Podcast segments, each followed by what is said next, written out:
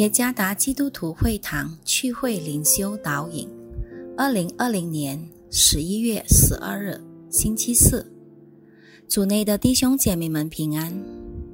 今天的灵修导引，我们将会借着圣经创世纪五十章十五到二十一节来思想今天的主题：选择宽恕，即使能够报复。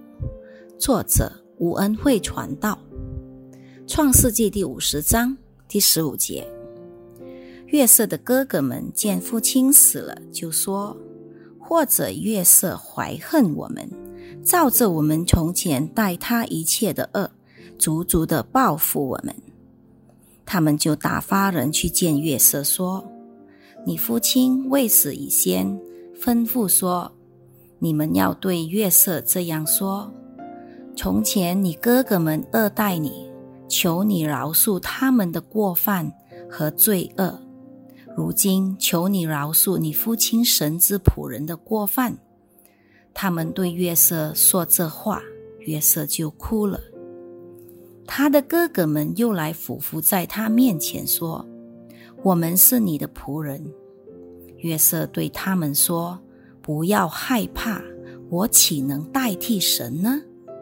从前你们的意思是要害我，但神的意思原是好的，要保全许多人的性命，成就今日的光景。现在你们不要害怕，我必养活你们和你们的夫人孩子。于是约瑟用亲爱的话安慰他们。话说有一个贫穷人家住在一个破旧的茅屋里。附近的邻舍都不愿意与他来往，而且孤立他，经常欺负他，甚至忍心将他从那个地区中赶走，以致他不得不放弃破旧的茅屋，而沿街拼命的生存下去。有一次，他寻找工作，因其诚实被录取了。他工作勤奋。业绩也表现良好，生活有了成就后，他便开始建立属于自己的事业。真是上天不负苦心人，他的事业蒸蒸日上，逐渐变成了大公司。公司也需要更多的职员，所以公司便贴出招聘员工的布告。在众多的应征的人群中，其中有几位是过去曾经驱逐他的邻居，有那一些邻居因贫困，非常需要工作来供养他们的家庭，而这一个过去贫穷的人，如今已经成为富裕而有权势，他将会如何对待这一班人呢？他以很好谦和的态度来接待这些邻居。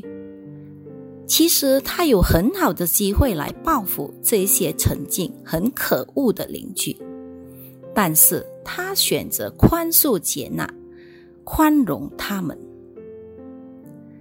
月色曾经遭遇到严重的问题，他曾经历过哥哥们无理恶劣的对待，他被兄弟们孤立和厌弃，甚至还要他的命。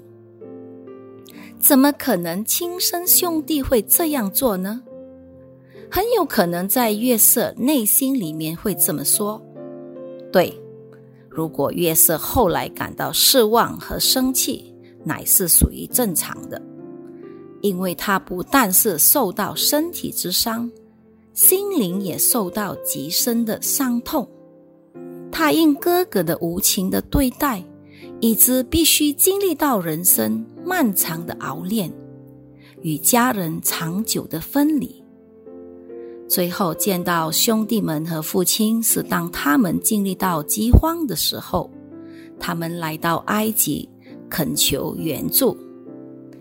当时的约瑟已经成为有势的宰相，他能够随心所欲做任何事。也能向兄弟们过去的恶行采取报复。可是约瑟选择不报复，他选择宽恕哥哥们过去的行为。约瑟有什么理由不愿意采取报复呢？第一，约瑟能领悟到报复恩怨乃是上帝的主权。耶和华神是满有慈爱与公义的神。第二，约瑟知道满有慈爱和怜悯的神已经赦免了人类的罪，因此他没有理由不宽恕别人。第三。约瑟选择成为使人和睦的人。第四，约瑟是敬畏神，他尽量过着圣洁的生活，并在神面前讨他的喜悦。第五，约瑟顺服神的心意。约瑟完全领悟到他的生命都是在神的掌握中，他要忠心跟随神的带领。虽然当时他仍未见到背后佳美的景象，但是他深信神的带领是不曾有错的。当我们有机会采取报复，我们的选择又是什么呢？报复还是宽恕？主耶稣已经给我们立下一个很好的榜样。当他被人咒骂、被亵渎。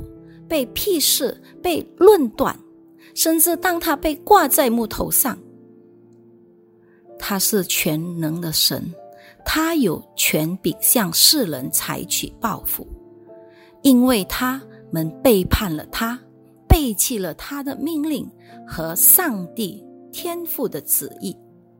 但是主耶稣没有使用他的大能来报复。让我们效法主耶稣为我们设立的榜样吧。一生拥有敬畏神的心。当你有能力和机会报复罪行时，宽恕乃是属于伟大的作为。愿上帝赐福于大家。